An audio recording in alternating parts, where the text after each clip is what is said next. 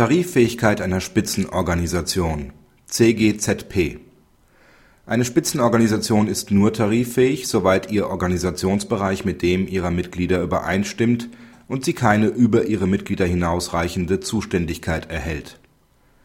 Am 11.12.2002 gründen Mitglieder des Christlichen Gewerkschaftsbundes die Tarifgemeinschaft christlicher Gewerkschaften für Zeitarbeit und Personalservice-Agenturen (CGZP).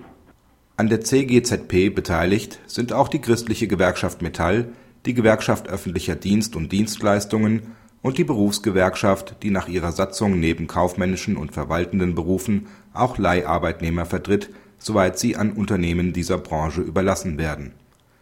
Die CGZP schließt in der Folgezeit eine Reihe von Firmen und Verbandstarifverträgen ab.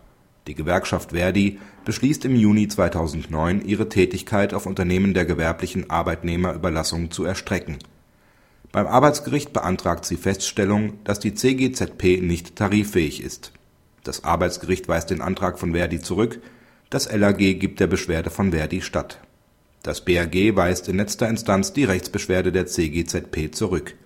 Es stellt fest, dass die CGZP weder als Gewerkschaft gemäß § 2 Absatz 2 TVG noch als Spitzenorganisation gemäß § 2 Absatz 3 TVG tariffähig ist. Eine Spitzenorganisation wie die CGZP ist selbst nicht tariffähig, sondern leitet ihre Tariffähigkeit vollständig von ihren Mitgliedern ab. Die Tariffähigkeit ist unteilbar.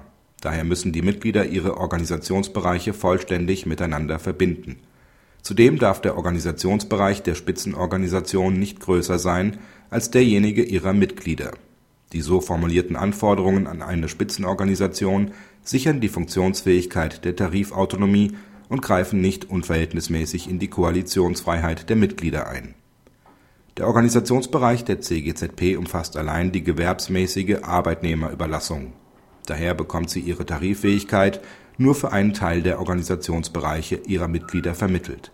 Mit der branchenübergreifenden Arbeitnehmerüberlassung erfasst sie zudem mehr Arbeitsverhältnisse als ihre Mitglieder, die nur die in ihren eigenen Organisationsbereichen eingesetzten Leiharbeitnehmer vertreten da der CGZP bereits die Tariffähigkeit fehlt, war nicht mehr zu entscheiden, ob die Mitglieder der CGZP selbst tariffähig sind.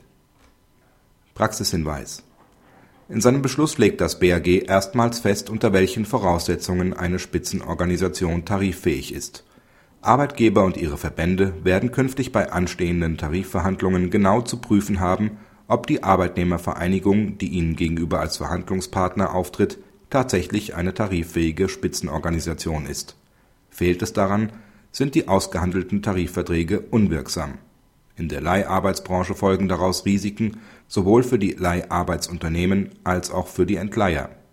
Verleiher müssten wegen des Equal Pay die Tariflöhne des Entleihers an ihre Arbeitnehmer zahlen. Die Entleiher haften womöglich für nicht abgeführte Sozialabgaben